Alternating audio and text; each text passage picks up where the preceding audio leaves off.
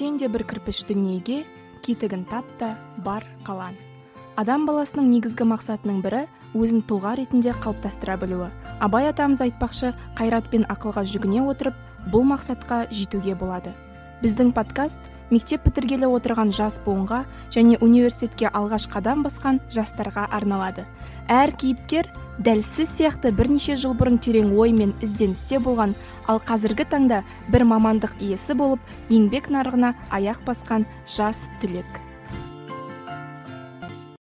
Сәлем достар. Біздер қоршаған орта экологияға қатысты кезекті эпизодымызды жаздық. Бүгін қонақта эко белсенді гринап және ресайкл бірге жобаларының негізін қалаушылардың бірі пакизат сайлаубекова. Пакизат бізге эко белсенділік эко насихат сонымен қатар осы жолға келуі жайлы әңгімесін айтып болашақ студенттерге өз кеңесін берді. Сіздерге эпизод қызық әрі пайдалы болады деген үміттемін. Пакизат уақыт тапшылығына қарамастан сұхбат беруге келіскеніңіз үшін көп рахмет. Сіз алғашында ихтиолог мамандығында оқып кейін экологияға ауысқансыз. Осы жайлы айтып кетесіз бе? Балалық шақтағы таңдауыңызға қалайша берік болып қалдыңыз? Иә рахмет. Өте қызықты сұрақ. Қазір жасым жиырма тоғызға толады осы жылы бұйыртса. Енді 2010 жылда мектеп бітіріп жатқан кезде менде екі бағыт болды. Таңдайтын ол медицина немесе биология жағынан өзім сүйікті ә, жағым ол экология болған. Көп ойланып жарты жыл ойланып мұғалімдермен сөйлесіп үлкендермен сөйлесіп аяғында сол экология жағына барамын деп үміттендім. Бірақ енді тапсырып қанша үш балым жетпей қалды экология пәніне. Сол кезде мен ең бірінші әл фараби қазақ ұлттық университет болып кетті ғой. Ана бұрында ол казгу болатын орысша. Сол кезде үш балым жетпеді экология. Екінші мамандығым сол ихтиология деп белгілегенмін өйткені сол кезде ә, мұғалімдермен сөйлескен кезде маған сондай бағыт берді. Сөйтіп грантке түскен соң менің ата анам маған ә, кеңес берді. Немесе сен бір жыл күтесің бірақ өзің экология жағына мамандығыңды жақсылап дайындалып тағы да енді тапсырып түсесің немесе осы түскен мамандығыңа барып оқи бер деді. Көп ойланбай оқи берейін дедім. Өйткені экология сіздер білгендей үлкен ғылым болып табылады ғой. Ол жерде жер экологиясы су экологиясы атмосфера экологиясы көп бағытта болғандықтан мен онда осы су экологиясымен айналыса берейін деп ихтиология мамандығын оқыдым. Ә, осы мамандықта үшінші курстан бастап жұмыс істедім. Өте қызық. Өйткені өзім дипломдық жұмысым экология жағынан болды. Мен сол кезде экология институтында жұмыс істедім. Біткен соң екі жылдай жұмыс істедім осы саламен. Бірақ қатты ауырып өзім түсіндім су осындай балық шаруашылығы жағында көп жұмыс істей алмайды екен өйткені ол жерде көп сондай ер ер балаларға арналған жұмыс болғандықтан ойландым ойланып жүріп өзім жұмыс істеп жүрген жұмысымды тастап жарты жылдай дайындалып экология мамандығына магистратураға тапсыруға үміттендім. Солай казнпу абай атындағы университетке осы экология мамандығына түсіп кеттім. Осы мамандық арқылы мен университетте колледжде немесе мектептерде экология пән бағыттарын өйстіп сабақ бере аламын. Сол жеріне өте қуаныштымын. Оқушыларға айтарым қорықпаңдар шынымен де. Өйткені менде сондай выбор болғандықтан мен осы бір қиын жолды таңдадым деп ойлаймын. Бірақ дегенде ол үлкен андай тәжірибе болды маған. сондықтан қорықпаңдар. Егер сендерде мысалы осындай выбор болып қалса міндетті түрде өздерінің армандарын таңдаңдар. Өйткені айналып келіп қаншама жыл өтіп қанша алты жыл өтіп ә, дегенмен де өз арманыма келдім дегеніме жеттім өте бақыттымын. Ә, сондықтан менде сондай андай посыл дейді ғой орысша. Сондай посылым болады сендерге. Ал осы кезде өзіңіз ұнаған мамандыққа сол салаға ауысу қаншалықты қиын болды. Ә, әдетте тәжірибесіз жұмысқа тұру ықтималдығы ә, төмендеу. Жақсы сұрақ. Өйткені мен магистратураға түскен кезде менің қатарластарым менен екі жас кіші болып тұр ғой. Сондықтан мен үлкен, үлкен болып келіп отырмын да сол оқуға. Өте қызық болды. Негізі бұл жерде өзің стереотиптеріңе байланысты болады. Бізде ондай көп. Қазақ халқында ә, әсіресе мысалы регионнан ауылдардан келгендерде мен осыншама жастамын мен өз қатарларымнан қалмай өйстіп бітіру керекпін оқуға түсу керекпін бітіріп ә, жұмысқа тұрып ары қарай өмірімді жасау керек деген стереотиптер көп. Ә, оған бағынбаңдар менің айтатыным. Және екіншісі ә, қорықпау. Өйткені иә тәжірибең жоқ бірақ үйрену керек және оны ең бірінші өзіңе айту керексің. Иә менің тәжірибем жоқ менің қатарластарым баяғыда басқа жерде кетіп қалды. Мен қазір өзім екі жас үш жас кіші балалармен жүріп солармен бірге стажировкаларға барып сөйтіп өзім практикалық тәжірибемді жинадым. Оны ең бірінші өзіңе айту керексің. Бірақ установка ең бірінші осыны қорықпау. Иә айту үлкендерге мысалы сендерге жұмыс беретін адамдарға шындығын айту. Ә, мен тәжірибем жоқ бірақ мен үйренуге дайынмын өз мақсатыма жетуге дайынмын. Бұл менің сүйікті ісім мен бұған бәрін жасаймын. Сондықтан ең бірінші ол сендердің сүйікті істерің болса сендер дайын боласыңдар. Ең сол ең бастысы ол қорықпау. Және стереотиптерге бағынбаңдар. Қайтадан қайталадым экология ауқымды сала. Соның ішінде экобелсенділікке қызығушылығыңыз қалай оянды және бұл сіз үшін неліктен маңызды? Дұрыс айтқандай экология ғылыми өте үлкен. Соның ішінде мен бір ең қызықты бағыт деп ойлаймын өзіме. Өйткені қалдықтарды көбісі түсінбейді. Оны қоқыс дейміз ғой. Былай өзімше айтқанда. Ой қоқыс мусор дейді ғой орысша. Негізі олай айту дұрыс емес деп есептеймін маман ретінде. Ол қалдықтар өйткені ол үлкен ресурс. Қазіргі уақытта қазіргі біздің уақытта шетел елдерінде ол үлкен ресурс болып табылады. Әзірге біз көбісі оны түсінбейді біздің елде бірақ үміттенемін осы бір екі жылдың ішінде бәріміз түсініп оны қоқыс емес қалдық деп атаймыз. Өзіме өте қызықты бағыт болды. Сол кезде жақсы бір диссертация жаздым бітірген кезде ол электрондық қалдықтар туралы.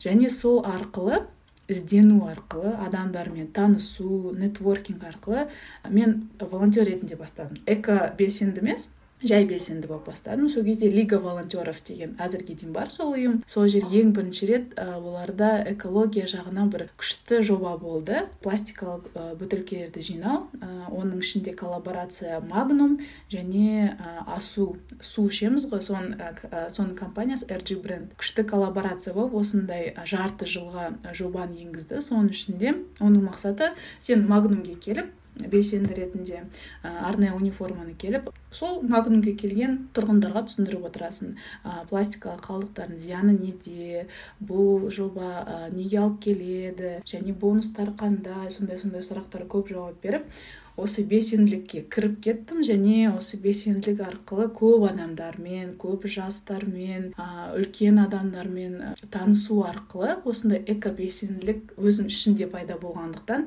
сондай адамдарды өзім іздей бастадым. Сол кезде ә, менің әріптесім қазір бану ақкүміс алматыда ең бірінші рет сенбілік емес эко сенбілік өткізді. Оны естіп ол жерге барып жаңа адамдармен танысып солай солай біз өз үйімізді ұйымдастырдық. Ол туралы қазір қазір де айтамыз деп ойлаймын. Сол негізі эко белсенділік эко белсенділік қана емес негізі белсенділік ол адамдар. Адамдар болмаса ондай белсенділік болмайды. Сондықтан ең бірінші дайын болу өз уақытыңды алтын уақытыңды мысалы аптасына үш сағат болсын төрт сағат болсын жұмыс жасау қоғамдық жұмысқа еніп басқа адамдарға көмектесіп немесе жобаларға көмектесу арқылы сен өзіңді андай ішкі дүниедегі андай потребность дейді ғой қажеттілік пайда болғандықтан соны андай шығару арқылы осындай ішінде пайда болады сол сезім. Сол сезім болса мен ойлаймын сен төрт сағат емес күн аптасына емес күніне сол төрт сағаттың өзін барып жұмыс істеп келесің. Оңай болады сол жұмыс. Білмеймін енді сұраққа жауап бердім деп ойлаймын. бәлкім соның арқасында шығар. Сізде сосын ә, гринап және ресайкл бірге жобалары пайда болды. Иә яғни сіз ә, осы жобалардың ә, негізін қалаушылардың бірісіз. Солар туралы қысқаша айтып кетесіз бе? Яғни ә, сіздің хоббиіңіз жұмысқа айналып тұр ғой иә? Иә шынымен де бірақ мен сіздерге сразу айтқым келеді мен көп ақша таппаймын бірақ ә, бұл қоғамдық қор ғой.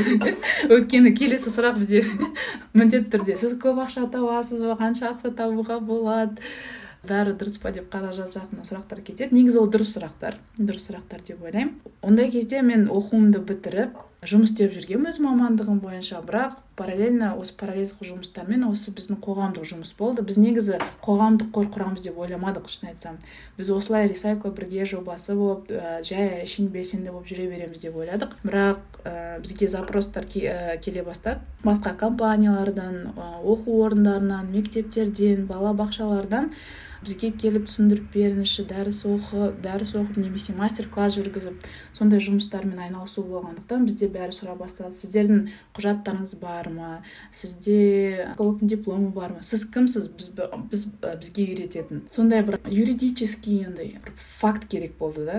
Сондықтан біз көп ойланып ойланып ойланып юристтермен сөйлесіп осы қоғамдық қорды құрауды шештік. Атын туралы көп ойландық. Өйткені ресайкл бірген жобаны көбісі біледі ғой. Негізі ресайкл бірге біз қазіргі уақытта бренд болып айналып кетті өзімізге. Сондықтан қоғамдық қорды кішкене басқаша қояйық дедік. Өйткені болашақта біз тек қана қалдықтармен ғана емес басқа экологиялық проблемаларды шешуге қолымызды жұмсамыз келеді. Сондықтан кішкене андай масштабный дейді ғой осындай үлкен қылып қоятын болғандықтан оны гринап деп қойдық. Көбісі білмейді гринап деген не ол не ол? Түсіндіріп отырамыз. Ол қоғамдық қор біздің деп соның арқасында біз басқа мамандарды жұмысқа аламыз бір мысалы жоба болсын уақытша үш төрт ай немесе бір екі аптаға. Ә, сондай жұмысқа алу арқылы осы қоғамдық қор бізге өте қатты көмектесіп жатыр. Және сол қордың ішінде ә, мен өзім ә, менеджер проект дейді ғой project менеджер. Осындай болып жұмысқа кірдім. Ә, және сіздерге айтарым мен тек қана эколог қана емес осы ә, белсенділік жұмысы арқасында ә, көп тренингтер өтіп осы project менеджер деген өзіме жаңа саланы аштым. Және сол, сол сала арқылы ары қарай жұмыс істегім келеді. Бірақ экология мамандығы жағында ұмытпаймын. Ол, ол, ол жағында да көп жобаларымыз болады деп сенімдімін. Сол осылай осылай осылай келе келе өз жұмысымды тастауға тура келді. Өйткені уақытым жетпей қалды. Ол жерде прокрастинация көп болды көп ойландың. Өйткені ана жұмыс та қызық. Өзің жұмысыңда бір жүрегің тартып тұр. Бір жағынан денсаулығың бар.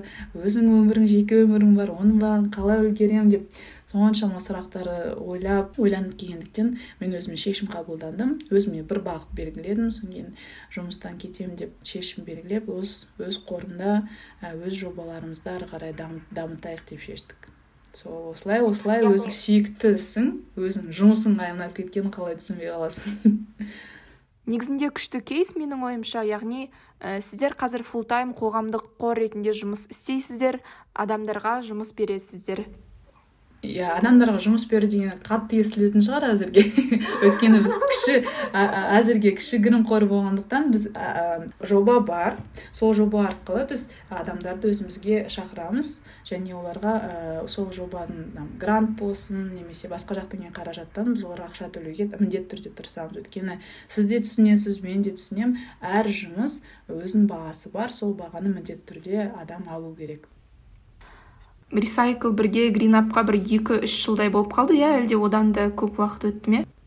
Біз негізі былай бөлеміз. Ә, қоғамдық қорға бізге бір жыл кішкене кеш болады. Өйткені ең бірінші біз андай экология қозғалыс болдық қой ресайкл бірге. Оған үш жыл болып қалды. Ал негізі қордың жұмысына осы екі жыл болды иә. Мен сұрайын деген жалпы осы уақытта қандай қоғамда өзгерістер көрдіңіздер? Экосауаттылық деңгейі артып келе жатыр деп ойлайсыз ба? Мысалға сосын мындай не бар ғой? Адам тек қана өзінің айналасындағысын көреді. Бәлкім сізге сіздің достарыңыз сондай эко белсенді болғандықтан солай болып көріне ме екен? Әлде шынымен яғни статистика бойынша да мәліметтер бойынша да бізде экосауаттылық артып келе жатыр ма? Бұл жерде енді әртүрлі аспектілер келеді. Мысалы қараңыз иә сіз дұрыс айттыңыз қасында достарың ә, бірге жұмыс істейтін мамандар басқа адамдар. Әрине олар енді экологиялық жағынан проблемалар туралы экобелсенділік жақ көп біледі. Ал мысалы алматы қаласынан шығып ауылдарға барсаң ол жерде әрине экосауаттылық өте төмен жағдайда сондықтан мен негізі былай білемін қала үлкен қалаларда экобелсенділер экосауаттылық артылып келе жатыр менің бойынша. Мен әзірге ондай официальный ә, статистика бере алмаймын. Бірақ менің түсіну сезімім бойынша қалаларда бұл дамып келе жатыр. Бірақ ауылды жерлерде өкінішке орай ол жерде жұмыс істеу керек. Сол бағытта жұмыс істеймін ба деп өзім баяғыдан ойланып келіп жүрмін. Өйткені өзім ауылда тудым ауылда өстім білемін ол жерде қандай жағдай қандай проблемалар бар болғандықтан сол ауыл мекемелерінде осыны арттыру керек. Және мен айта аламын басталды. Ондай экосауаттылық жұмыстар басталып жатыр. Өйткені көбісі экобелсенділік экобелсенді адамдар ауылдан шыққандықтан олар өз, өз туысқандарына сол жерде тұратын достарына түсіндіре бастайды. Мысалы ең сондай ашық кейс владислав галярка білесіз ғой премия терешкевича деген осы экобелсенділерге арналған ең бірінші ең бірінші деп айтса болады иә. Премия бар бұл премия терешкевича деген. Былтыр қанша? бір жыл өтіп кетті. А екі жыл өтіп кетті. Мен сол кезде сол премияның бір бөлігін алдым. Бірақ негізгі ол премия бір адамға ғана беріледі. Ол жерде қанша? төрт ел ғой. Қазақстан өзбекстан таджикстан түркменстан болу керек. Сол осы ә, центральный азияның елдерінің арасында бір бірден беріледі бір елден сол премия. Сол кезде осы владислав галярко ұтып алды ол ә, түркістан облысының атын ұмытып қалдым ауылдың атын. Қазір есіме түсірсем айтамын немесе жазып жіберемін сол жерде осы ә, қалдықтарды сұрыптау ә, жүйесін енгізіп сол жерде тұратын тұрғындар сол қалдықтарды сату арқылы өздеріне ақша таба бастады. Сол өте күшті жүйесін енгізген көп экобелсенділік жағына көп жұмыс жасаған адам. Сол адаммен танысқаныма өте қуаныштымын. Қазір де ол өз жұмысын жалғастырып бүкіл қазақстанға осы жүйесін енгізгісі келеді әсіресе ауылды мекендерде. Осындай адамдар арқылы менің ойымша экосауаттылық көбейіп жатыр. Және басқа жерлерде де мысалы солтүстік қазақстанда да ә, осындай достарым бар. Оларды танымаймын тек қана интернет арқылы білемін. Дегенмен де оларды көп жұмыс жасап келе жатыр. Сондықтан егер процент жағынан айтатын болсақ қалаларда иә үлкен бір скорость күшті өсіп жатыр. Ал ауылды мекендерде жаймен жаймен. Сондықтан процентпен айтсам отыз процент болып қалуы мүмкін. Қалаларда мысалы алпыс жетпіс процентке өсіп келе жатыр. Қаланың өзінде де ол мен мысалға астана мен алматыда біз көп болатын шынымен бізде көп иә қоқыстың үш түрі сұрыптайтын қалдық қалдықтың сұрыптайтын жаңағы нелер мусорлар барлығы орналасқан. Ал басқа қалаларда жағдай қандай екенін білмедім шынымды айтсам. Басқа қалаларда да жақсы дамып келе жатыр. Оның ішінде өскемен қаласы жақсы жұмыс істеп келе жатыр. Павлодар петропавловскте өзім боламын. Шымкент қаласында жақсы жақсы, жақсы жүйесі енді енді келе жатыр. Өйткені өздерінде иә үлкен проблемалар бар. Тағы да қандай қала? Тараз қаласында енді енді дамып жатыр. Сол үлкен қалалар әсіресе. Мынандай осы ауыл кіші кіші қалаларда ондай әзірге жоқ. Өйткені компаниялар жоқ. Осы қалдықтарын шығарып неге переработкаға өңдеуге жеткізетін. Сондай сондай сұрақтар мәселелер көп бірақ оның бәрімен жұмыс істеуге болады. Мен, мен айтатындай жұмыс жетеді бәріне. Барлық экобелсендіге жұмыс жетеді. Көбісі ойлайды бұл жерде жұмыс бар ма? Ол бар ғой анандай компаниялар уже ана жақта істеп жатыр ә, бізге орын табылады ма? деп көбісі сұрайды. Табылады жұмыс бәріне жетеді қорықпаңдар иә сосын ауылдық жерде мен ойымша біздің кішкентай кезімізде күл көп жататын бүйтіп жиналып тау сияқты ауылда ә, қоқысты өртеу яғни мәселесі өте білмеймін қазір бірақ бәлкім өртемей ме екен. Жоқ өртейді. әзір де өртейді иә білемін әзір де осы андай пэт бутылкалар бар ғой напитоктен шыққан әсіресе бес литрлық судан. Оны қайта қайта айналдырып ішінде қымыз сатады сүт сатады. Базарларда негізі ол дұрыс емес оның бәрін түсіндіру керек адамдарға. Сосын пластик бутылкаларды сол қайта қайта қолданған кезде одан да сол жаңағы зиянды заттар шығады иә? Негізі ол туралы менің ойымша көп адам білмейді. Мысалға мен де оны бұрын білмейтінмін. Мен мысалға оны соңғы бір екі жылда ғана білдім оның зиянды заттар шығаратынын мысалы сол себептен де эко насихат керек шығар. Иә иә эко насихат міндетті түрде керек. Өйткені өзің де байқап отырсың ғой. Мысалы бір қалай айтсам өзіміздің мемлекет көбісі айтады ой жұмыс істемейді біздің акиматта ешнәрсе істемейді істейді ол жерде істейтін адамдар бар жақсы адамдар бар. Бірақ бізде мынандай не ғой? Олар өздерінше бір нәрсе жасайды а тұрғындар оны түсінбейді. Мысалы алматы қаласында қанша осы алты алты жеті жыл өтіп кетті ғой деймін егер қателеспесем.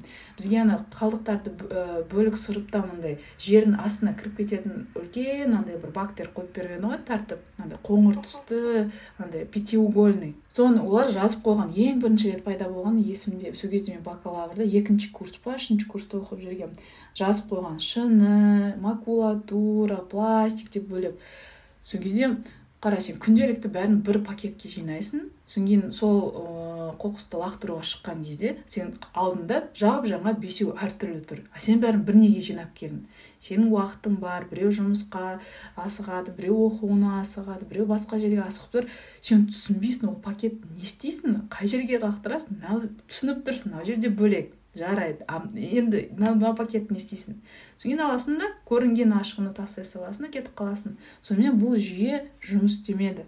А негізде бұл жерде қателік сол эко насихаттау эко сауаттылық болмады бізге оны ешкім айтқан жоқ. Ей тұрғындар осы бостандық ауданында тұратын тұрғындар осы күннен бастап бізде осындай жүйе болады соған дайын болыңдар. Қалдықтарды сұрыптау керек деп ешкім ешнәрсе айтқан жоқ қой оны ешкім де естіген жоқ. Содан кейін ол тұрғындардан не сұрайсың олар не істейді? Өйткені өзінің ең бірінші андай потребностьтері бар. Жұмысқа асу керек мен кредитін жабу керек менде мына жақта төрт үш балам бар оларды асырау керек сен мына жақта мені қалдықтарды сұрыпта деп не айтып отырсың деп саған сөйтіп сөйлейді ғой. Өйткені бізге де сөйтіп сөйлеген маған да сөйлеген. Сондықтан мен түсінемін. Сондықтан осындай андай барьер болады ғой. Осы барьерді жеңіп шығу біз өзіміздің негізі мақсатымыз. Мақсатымыздың бірі осы андай мостик болу. Мен өзім сондай визуализация жасаймын.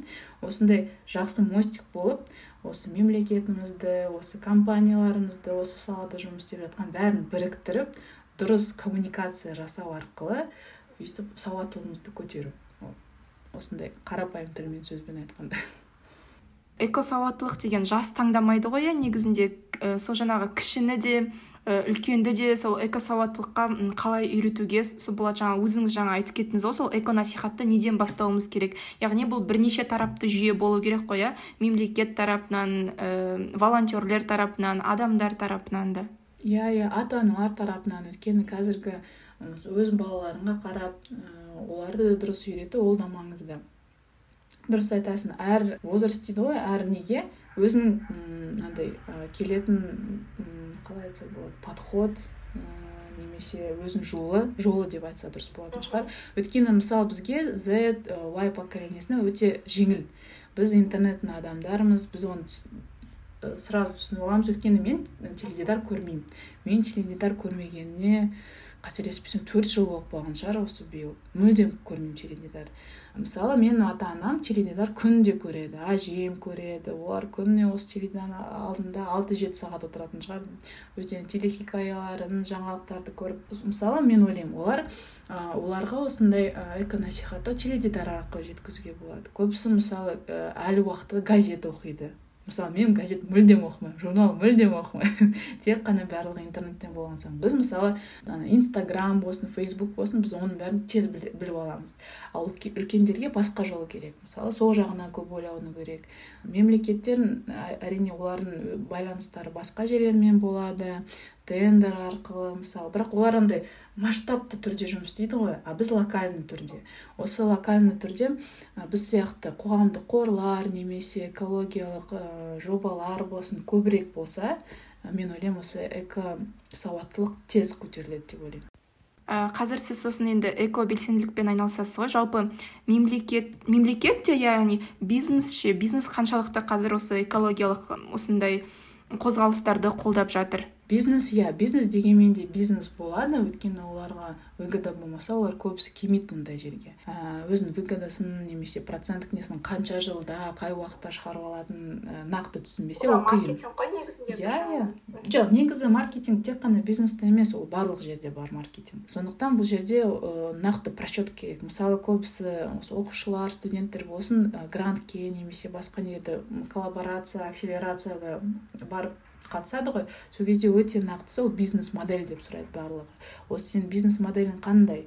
Мысалы мен мысалы инвестор боламын сен мен, мен саған берген ақшаны қалай қайтарып аламын қай уақытта қайтара аламын немесе мен саған бере салған ақшам қаншалықты ана инфлюенс влияние дейді ғой. Соны қаншалықты үлкен болады иә әсері қаншалықты үлкен болатынын соның бәрін көрсету өте маңызды.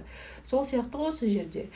Бизнес негізі менің ойымша ә, қазір уақытта бизнес мемлекетке қарағанда көбірек көмектеседі. Өйткені осы көбісі акселерация гранттық программалар қарасақ осы бизнес жағынан ә, адамдар көбірек осы донаты жасайды. Мысалы біз мобильдік қосымшаны әзірге әлі уақытта жасап жатырмыз. Сол сол жұмыс арқылы мен мысалы көріп отырмын бизнес бізге көбірек көмектесіп жатыр. Мемлекет программалармен жұмыс істесек кішкене қиынырақ ол жерде. Негізі біз әзірге жұмыс істеп көрген жоқпыз. Андай тендер болсын ондай немен программный утилитармен жұмыс істеген жоқпыз. Өйткені бізге ол кішкене қиынырақ. Ол жерде қағазбен көп жұмыс істейсің және тапсыратын отчеттар көп. Бізге оның уақыт уақытымыз жоқ та ондай неге жұмысқа. Әзірге біз ол жүйе қалай жұмыс істейтінін негізі білмейміз. Бірақ менің ойымша қазіргі уақытта бизнес көбірек көмектеседі. Экология жаңағы үлкен сала соның ішінде мысалға болашақта сіздіңше алдағы он жылдықта қай мамандар қай саласы сұраныста болады? Негізі осы сұрақ күшті сұрақ болып тұр. Андай атлас атлас. Қалай айтылушы еді? Атлас новых профессий. Саясат нұрбек бағдарламасы иә. Иә иә негізі ол атлас ол кім бір организациямен жасалған дүниежүзілік организация бірақ саясат ол бізге енгізіліп қазақша бір қазақ тілінде өз несімен түсіндіріп жатқанын білемін. Бірақ мен оқымадым білмеймін қазақша нұсқасы бар ма жоқ па. Бірақ мен орысша нұсқасын бір рет қарап шықтым. Осы экология биология жағына осы қандай жаңа мамандықтар пайда болады. Сол менің кеңесім ерінбей сол атласты алып ол негізі интернетте свободный доступта бар. Оны прям скачать етіп алып өздерің көріп оқып алсаңдар болады әртүрлі мамандардың ой шын айтсам оқыған кезде күшті сезімде боласың. Өйткені мен ойлап отырмын ой мен эколог болдым мен бүйте аламын аламын мен барып университетте сабақ беруім де мүмкін бірақ сол атласты оқығаннан кейін сіздердің көзқарастарыңыз мүлдем үш жүз алпыс градусқа ауысып кетеді сол бізде сұраған кезде негізі осы дизайнерлер экология жағынан мысалы үйлер салатын дизайнерлер өте мынандай не болады. Қолдары көп игемді және спросқа ие болатын солар және техникамен жақсы жұмыс істейтіндер. Ә, программисттер ә, өйткені олар андай қалай айтса болады осының бәрін кодтың бәрін жазатын. Солар ғой негізі енді бүкіл андай немен жұмыс істейтін интернет жүйесімен. Білмеймін қарапайым тілмен түсіндіре алмай жатырмын сендерге. Бірақ осы техника жағынан ә, көп болады. Дизайнерлер көп ә, спростары. Және ә, вие бар ғой. Орысша вие деп айтады возобновляемый источник энергии. Жағынан көп инженерлер керек болады. Осы экологиялық проблемаларын түсіну арқылы және жаңа жүйесін ойлап табу немесе жаңа бір құрал қаражат болсын соны ойлап табатын адамдар осы ең бірінші осы экологиялық проблема түсіну керек болады. Сол арқылы мен ойымша осындай көп мамандар осы бағытта керек болады. Сондықтан қазірден бастап ойлана беріңдер. Және сол атласты міндетті түрде оқып шығыңдар. Сіз көбінесе эко насихатпен айналысасыз иә? Педагог ретінде иә? Яғни себебі сіз мамандығыңыз бойынша да қателеспесем эколог педагогсыз ғой иә? Ә, жалпы болашақта да өзіңізді осы проектілердің менеджері ретінде және экология саласында көресіз иә?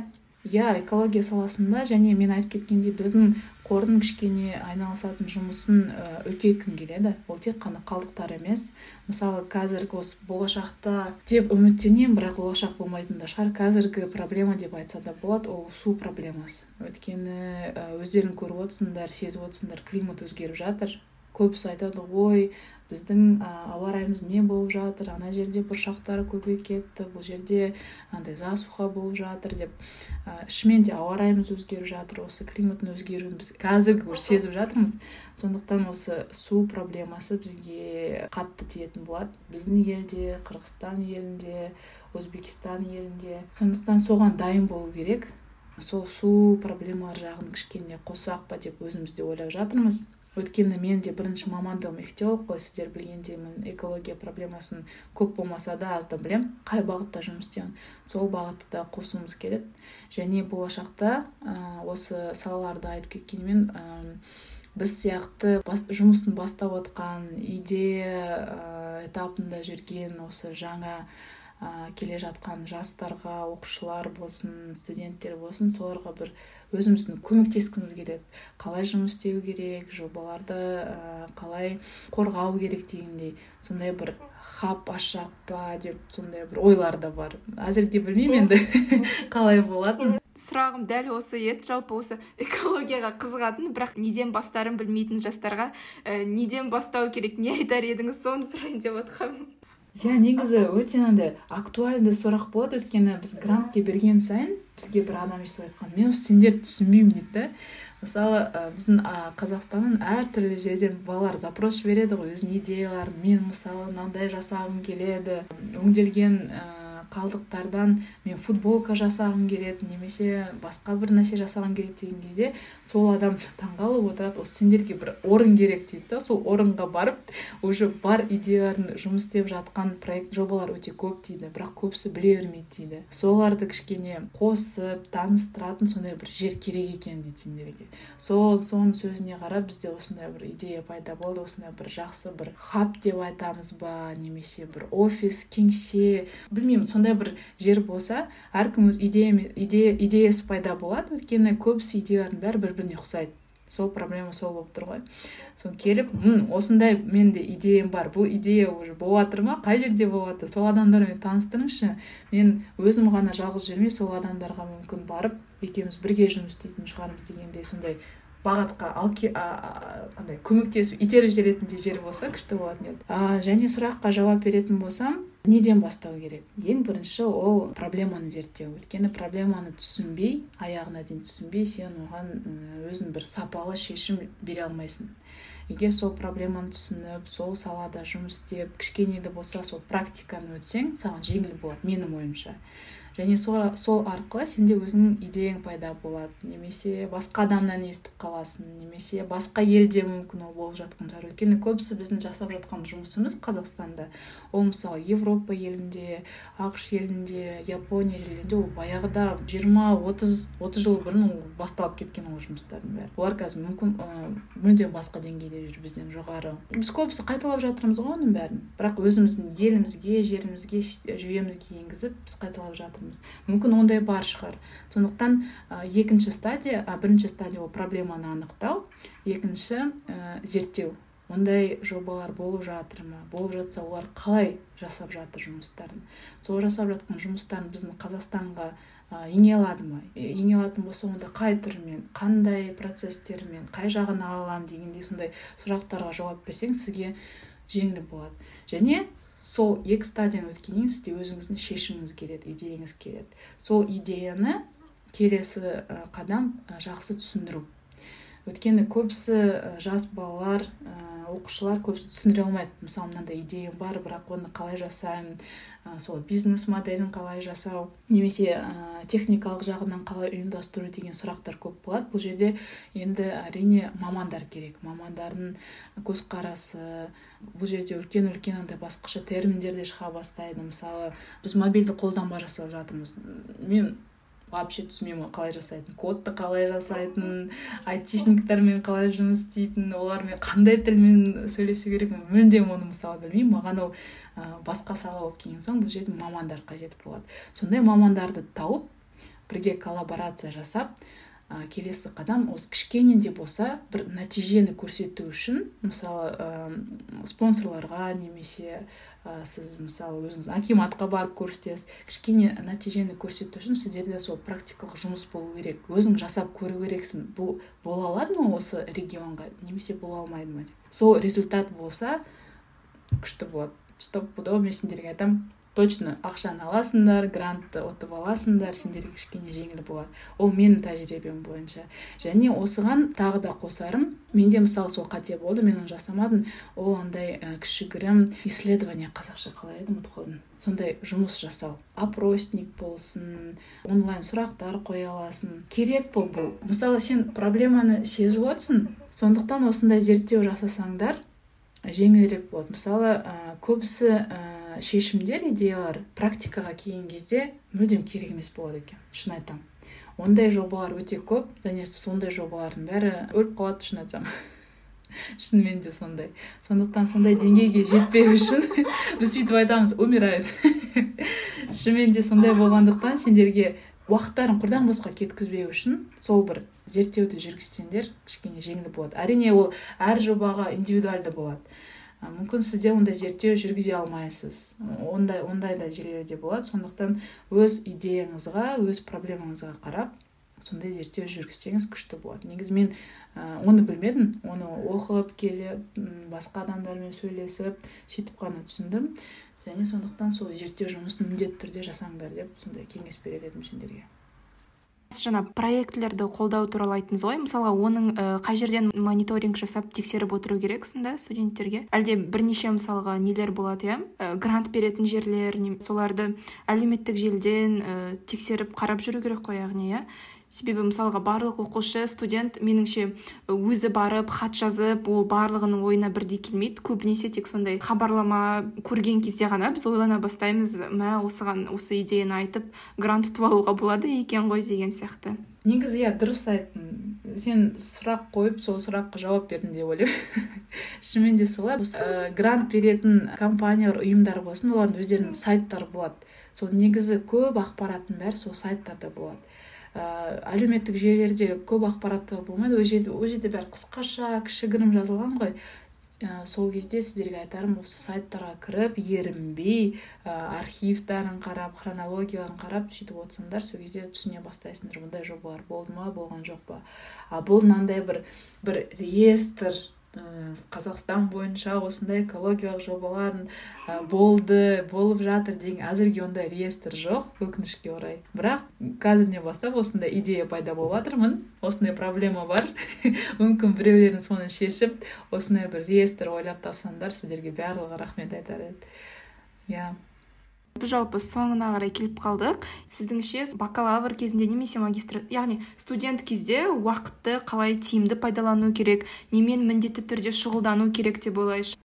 Ең бірінші ә, менің ойымша осы ең бірінші денсаулығымен айналысу. Спорт бір кішігірім спорт болсын немесе спортпен айналысқың келмей уақытың болмаса аптасына екі рет үш рет болсын барып жүгіріп келу. Бес километр төрт километр одан да көп мүмкін жүгіреді өйткені денсаулық болмаса мынандай шабыт болмайды екен. Өйткені өзің әлсіз сезініп қайта қайта басың ауыра беріп сол кофені арқылы ертеңгісін тұрып жүрсең ол негізі жаман сигнал деп ойлаймын.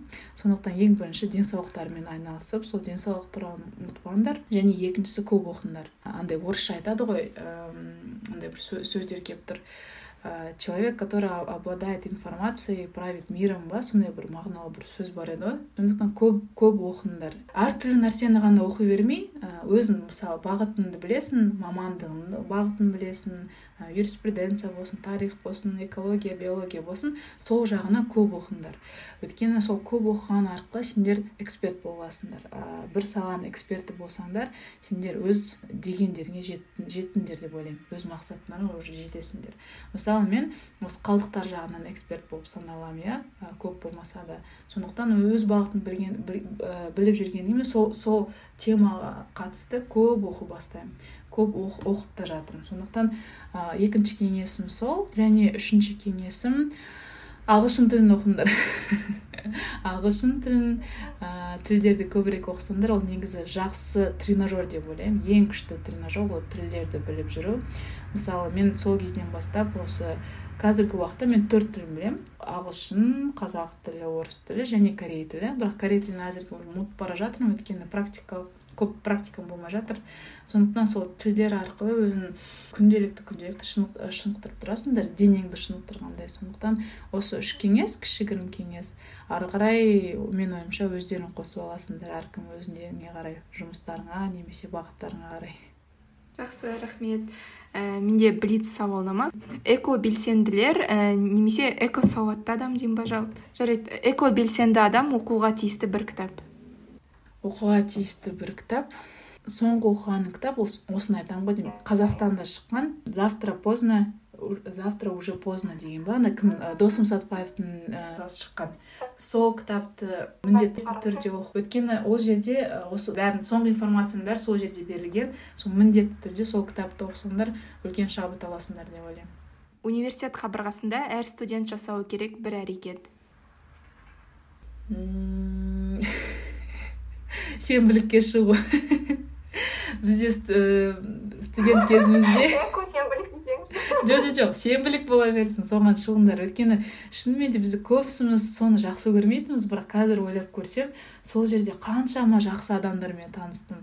Сенбілікке шығатын адамдар менің ойымша олар осы ішінде сондай белсенді адамдар деп ойлаймын. Сол жерде күшті адамдармен танысуға болады немесе ә, тағы да айтарым андай қоғамдық жұмыстар бар ғой. Әр ә, сондай факультетте өздерінің студенттер ұйымы болады. Ой ондай жерде әртүрлі мықты лидер адамдармен кездестім шын айтамын. Сол ә, қор болмаса мен мысалы бұндай деңгейге жетпес пе едім деп ойлаймын. Өйткені сол кезде танысқан адамдарым үлкен шабыт беріп қай жерге қай бағытта бару және сол бағытпен қалай дұрыс жүру туралы көп көп көп маған сондай дәрістер оқыған. Сондықтан сондай жерлерде он нақты осындай лидер белсенді қорықпайтын адамдар көп жүреді деп ойлаймын. Сондықтан міндетті түрде сол жерге қатыспайтын болсаңдар жай барып қайтып сондай адамдар қандай қандай болады екен деп көріп болады мен мысалы сондай бір оймен бірінші рет бардым. Содан кейін сол жұмыстарға кірісіп кетіп мүмкін сондай ә, лидерлік өзімнің андай нелерімді ашқан шығармын деп ойлаймын. Э, жиырма төрт сағатқа қосымша төрт сағат уақыт берілсе немен шұғылданар едіңіз? Қазір бұл. Гитара мен домбыраны үйренетін едім. Өйткені өзім баяғыдан бері соны ойлайтынмын. Осы 24 сағатты бір сағатын э, болса соның ішінде гитараны ойнау. Мен кішкентай кезімнен сол арманым әлі соны ә, жасай алмай жатырмын соған. Шын айтсам қатты өкінемін. Сондықтан осы осындай ә, уақыттар болса міндетті түрде осы гитара курсына немесе домбыраны үйреніп өзім үйде бір видеоларды қарап сөйтіп қатты үйренгім келеді. Со соған енді қол жетемін деп өте үміттенемін енді. жақсы көп рахмет пакизат сізге. Сіздерге де рахмет үлкен. Эпизодты тыңдаған барша қауымға көп рахмет. Эпизод сіздер үшін пайдалы әрі қызықты болды деген үміттемін. Соңғы төрт шығарылым алматы қаласындағы экомарафон жобасының қолдауымен жазылып жатқанын еске саламыз. Подкаст авторлары ақпараттың мазмұнына тікелей жауапты және ақпарат экомарафон жобасының ұйымдастырушыларының ұстанымына сай келмеуі мүмкін. Бізді тыңдап қолдайтыныңыз үшін тағы да көп рахмет және подкаст қосымшаларында бізге баға беріп өз ойыңызбен бөлісуді ұмытпаңыз. Келесі эпизодқа дейін сау болыңыздар.